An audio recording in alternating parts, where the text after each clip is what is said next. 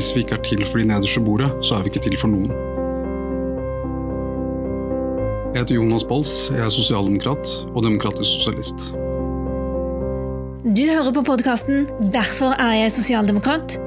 Her får du høre personlige og politiske historier fra den breie arbeiderbevegelsen i dag. Hvordan ble du sosialdemokrat og demokratisk sosialist? Det var nok en gradvis utvikling.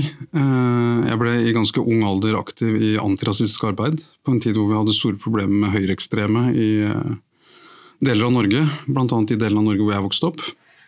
Jeg eh, tok med meg mye av det engasjementet inn i fagforeningsarbeid, da jeg senere begynte å jobbe. Og var så aktiv i den såkalte globaliseringsbevegelsen rundt årtusenskiftet. Den gangen så vil jeg vel si at vi Det var vel fortsatt en tid hvor man kunne ta veldig mye av det sosialdemokratiet hadde oppnådd for gitt. Velferdsstaten var på en måte Den var der. Og eh, det var vel en følelse av Roy Jacobsen har vel sagt noe sånt som at sosialdemokratiet er ikke en julenisse, men det var litt sånn det føltes ut den gangen. Eh, men så var det vel en gradvis erkjennelse, og det er jo egentlig en litt sånn trist erkjennelse. At eh, det sto ganske mye dårligere til enn det vi følte. Vi, liksom, vi ønska å utvide demokratiet veldig, vi ønska radikal omfordeling av makt og rikdom. Men det gikk vel gradvis opp med at det var en veldig mye mer defensiv kamp eh, vi sto oppi. Og at noe av den kampen den sto om sosialdemokratiet, rett og slett. Og om det sosialdemokratiet hadde klart å oppnå ved å bygge stein på stein i etterkrigstida. Veldig mye av det sosialdemokratiet hadde oppnådd, så vi jo at ble rulla veldig eh, raskt tilbake i land etter land. Og så så jeg også at i noen land så skjedde jo det med sosialdemokratiets hjelp. Eh, Tony Blairs eh, prosjekt i Storbritannia, Gerhard Schröders i, i Tyskland. Eh, de var jo på mange måter med på å fremme den dereguleringa og såkalte fleksibilisering av arbeidslivet som vi siden har sett slå inn i land etter land etter land, og som har gjort at veldig mye av det arbeiderbevegelsen historisk sett var til for å oppnå, men jeg har blitt bygga ned. Ja, når Margaret Thatcher en gang ble spurt hva er det største du har oppnådd, så skal hun ha svart uh, New Labour. New Labour. Mm. Hva tenker du om det? Nei, Jeg tror hun er inne på noe helt vesentlig der. Og det, for meg så sier det noe om at uh, den bevegelsen som uh, arbeiderklassen egentlig bygde og lagde for seg sjøl, som et redskap for å også ha politisk makt, det verktøyet kan det er ikke gitt at det vil være et godt verktøy for uh, arbeidsfolk. Da må arbeidsfolk også engasjere seg politisk og bruke det verktøyet. Og Hvis ikke de gjør det, så er det noen andre som plukker opp det verktøyet. og da, da tror jeg at en del av de spørsmålene som handler om eh, vanlige folks hverdagsliv og arbeidsliv, de forsvinner litt fra den politiske dagsordenen. Mm. For meg så høres det ut som at det du tar opp er noe som også Martin Kolberg av og til snakker om. Han snakker om um, kons altså de konservative på venstresida, mm. uh, som, uh, som, jo egentlig kan bidra til kanskje å legitimere høyrepolitikk. Mm.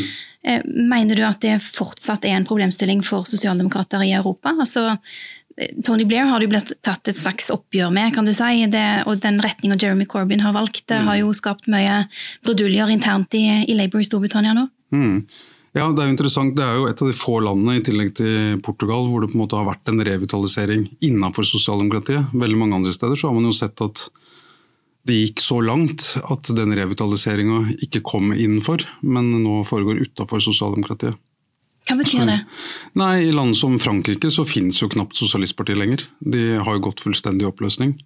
Eh, det samme skjer du i veldig mange andre land. og eh, jeg syns jo det er veldig synd, for jeg mener at den sosialdemokratiske bevegelsen målbar et prosjekt som både handla om å gjøre folk til deltakere istedenfor til tilskuere, og at man klarte å gjøre det på en måte som fremma solidaritet og interessefellesskap mellom folk, istedenfor å spille på motsetninger og øh, sette folk opp mot hverandre. Du er eh, foreløpig den eneste gjesten som har skilt, eller vært nøye med å presisere at du er sosialdemokrat og demokratisk sosialist. Mm. Eh, hvorfor er det viktig for deg å ta med begge deler? Det er vel delvis fordi jeg alltid har definert meg som sosialist i en eller annen form. Frihetlig sosialist var et begrep jeg brukte i mange år. Um, og Sosialisme handler jo for meg om omfordeling av makt og rikdom. Eh, at man ønsker å skape, om ikke et klasseløst samfunn, så i hvert fall et egalitært samfunn. Hvor man står i øyehøyde med hverandre.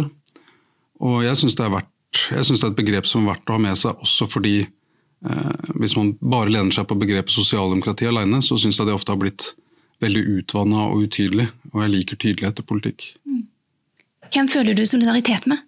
Først så vil jeg si at solidaritet for meg er ikke en følelse. Det er et uh, praktisk interessefellesskap. Men det er også et interessefellesskap som ikke fins der nødvendigvis av seg sjøl. Det er ofte et interessefellesskap som må lages, som f.eks. mellom polske og norske arbeidere i byggebransjen i dag. Men så handler jo solidaritet også om noe utover det. Det handler jo om å føle forpliktelser overfor andre. Og der er det kanskje noen av de altså For det første så vil jeg si at jeg har lært en veldig viktig setning av Martin Kolberg, som han i sin tid lærte av Håkon Lie og den handler om at hvis vi ikke er til for de nederste bordet, så er vi ikke til for noen. I tillegg til det så føler jeg også en veldig sterk forpliktelse overfor og Det er kanskje en veldig vanskelig form for solidaritet, fordi det nesten blir litt sånn abstrakt, men det er overfor barna mine og deres ennå ikke fødte barn. Og det som er i ferd med å skje med kloden vår og klimaendringene. Så der vil jeg kanskje si at Hvis jeg skal ta en jeg følger solidaritet med nå, så er det Greta Thunberg og de mange tusen elevene som driver med elevstreik rundt om i Europa. Mm. Hva burde vi som er sosialdemokrater gjøre annerledes i dag? Det er jo egentlig nesten tema for en helt egen podkast. Eh, men hvis vi skal ta noen ting jeg mener vi bør tak i, så handler det ene om den altfor skeive rekrutteringa vi har hatt i politikk i lang tid. Eh, hvor vi har fått en eh, blitt altfor akademiske, rett og slett, etter, etter, min mening. Og det tror jeg liksom, Hvis man skal prøve å summere opp hva man oftest hører når man er ute og snakker med tillitsvalgte og er ute på arbeidsplasser, så er den kritikken av bevegelsen vår er den vanligste. Um, men så er det andre ting man kan gripe fatt i òg. Jeg mener jo f.eks. at det siste året har jo åpenbart at uh, vi trenger å forstå makt på bedre måter, og hva, hvilke frigjøringskamper som egentlig pågår rundt oss i samfunnet nå. Og Der tror jeg nok ikke sosialdemokratiet skal liksom tenke at, at vi sitter på alle svarene sjøl, men gå ut og finne Eh, inspirasjon og lærdom også hos andre. F.eks. i den feministiske maktkritikken, som, eh, som jeg tror er et veldig nødvendig supplement til det sosialdemokratiet og sosialistiske idétradisjonen sjøl har stabla på beina. Jeg har lyst til å spørre deg om begge deler, for Du tar opp både det at vi har blitt for akademiske, og at vi må være litt mer åpne for det, det feministisk-kritiske blikket utenifra. Men, men, dette med å være akademisk, var det ikke sånn at eh, fagbevegelsens egne nestorer jo sa ja, så Håkon Lie sa ta utdanningen seriøst, og, mm. og, og, ta gjerne en utdanning. Og, mm. og Einar Gerhardsen sa gjør din plikt, krev din rett. Og, mange har ja, valgt å ta en utdanning og jobbe hardt med den. Jo, og det er veldig bra. Og jeg syns jo at uh, bevegelsen vår skal absolutt romme også folk som har tatt uh, universitets- og høyskoleutdanning. Men ofte når vi snakker om utdanning, så snakker vi som om den halvparten av Norges befolkning som har tatt yrkesfaglig utdanning. Uh, at de nærmest ikke har utdanning. Eh, vi snakker om utdanningsrevolusjonen vi gjennomførte i forrige århundre, som, eh, som at vi kun ga eh, arbeiderbarna mulighet til å gå på universitet og høyskole. Men en vel så viktig del av den revolusjonen, og som vi nesten har glemt, mener jeg, er jo at vi skapte noen av verdens beste fagutdanninger. Og jeg syns vi kunne lære mye mer av den læringskulturen, den tradisjonen som eh, bl.a. håndverksfagene representerer, ta mer av det inn i skolen. Eh, for å skape en skole som passer bedre for flere. Som både blir en bra skole for de praksissterke og for de teoristerke. Og når jeg sier alt dette, her, så mener jeg at dette her også handler om hvordan vi bygger opp vår egen bevegelse. Fordi den litt sånn ensidige vekten vi har sett på universitets- og høyskoleutdanning i samfunnet ellers, mm hvor det i dag stilles krav om å ha bachelor eller master for en masse jobber som ikke burde ha et sånt krav i det hele tatt. Det har på en måte også blitt et slags filter inn i vårt eget parti. Du har eh, mastergrad sjøl. Mm. Angrer du på det? Nei, jeg er veldig stolt av det. Eh, akkurat som jeg er stolt av svennebrevet mitt. Eh, og jeg vil ikke på noen som helst måte skape motsetning mellom det ene eller det andre. Tvert imot så ønsker jeg å bygge en bro mellom de ulike måtene å lære på, de ulike kompetansene og kunnskapene man besitter som akademiker og som håndverker. Men det handler om å eh, hva skal man si, en gjensidighet i anerkjennelsen her, som jeg mener har blitt litt borte i samfunnet vårt. Og Det bør være Arbeiderpartiets fremste jobb å, å bygge bro over de motsetningene og avstandene som dessverre har vokst seg større.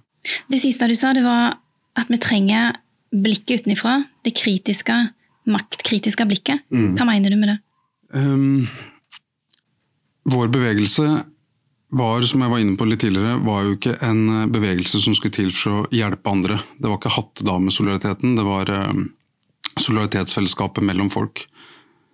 Um, Vi har klart å bygge en bevegelse som har vært en veldig viktig motmakt. Både kulturelt, politisk, i arbeidslivet. Men samtidig så er det en del former for maktutøvelse, en del former for undertrykking og en del former for frigjøringskamper som jeg tror kanskje vi som bevegelse ikke har vært like gode til å fange opp. Eh, og Noe av det handler bl.a. om eh, eh, det vi har sett det siste året. med jeg tok jo for litt over et år siden initiativ til et opprop i fagbevegelsen, hvor, hvor vi som menn i fagbevegelsen skulle backe de damene som sto fram eh, om historier fra vår egen bevegelse, med våre egne tillitsvalgte. Um, og tok et oppgjør med det. Jeg hadde forventa at et sånt initiativ blant menn i fagbevegelsen ville bli fulgt opp andre steder i det norske samfunnet. Akkurat som vi så med uh, da kvinnene som leda inn i metoo-opprøret, spredde seg fra bransje til bransje til bransje. Men dessverre har jeg registrert at det har ikke blitt tatt noen lignende initiativer noen andre steder. Uh, heller ikke politikken. Og det syns jeg er veldig, veldig synd. Hva tror du er grunnen til det? Jeg tror det er en eh, Jeg tror en av grunnene er at vi på også mange andre områder har rota oss litt bort i en sånt veldig taktisk innfallsvinkel til politikk. Um, mange leser det vi holder på med som et taktisk spill eh, mellom aktører som først og fremst er ute etter egen makt. Eh, noen, uh, for noen er det sikkert helt reelt, men hvis man har den innfallsvinkelen til politikk, så blir det også veldig fort sånn at man leser alt som eh, eh, som et forsøk på en maktkamp eller som en episode av House of Cards. Eh, jeg er uenig i den eh, måten å lese norsk politikk på. Eh, og jeg syns det skygger for eh, en helt sånn nødvendig og reell kritikk av helt reelle maktstrukturer. Helt reelt maktmisbruk. Og at det også gjør oss blinde for å være med i frigjøringskamper som, eh, som pågår rett utafor døra vår akkurat her og nå. Mener du at vi opptrer taktisk, eller at eh, vi oppfattes å opptre taktisk? Begge deler. Eh, jeg syns jo at jeg er veldig veldig redd for en sånn utvikling hvor sosialdemokratiet hiver seg på en sånn overbudspolitikk. Hvor vi, fordi vi ikke forstår og går inn i de maktanalysene som vi trenger eh, for å forstå det norske samfunnet og hva vi på en måte skal gjøre som bevegelse, så ender vi stedet opp med å alltid skulle love velgerne litt mer og litt mer og litt mer, eh, eller litt bedre. Og det er klart, hvis vi går i den retninga, så begynner det å bli veldig taktisk. Eh, men jeg tror også at min erfaring fra politikk både på lokalt og nasjonalt plan er jo også at det fins masse folk som er her av en helt, helt annen grunn, og som holder på med veldig viktige ting. Og som prøver å finne løsninger på ting som de har uh, erfart førstehånds, enten det er i skolekretsen sin eller i nabolaget sitt eller på arbeidsplassen sin. Uh, og det, det er jo det vi skal holde på med. Tusen takk. Det var Jonas Berns.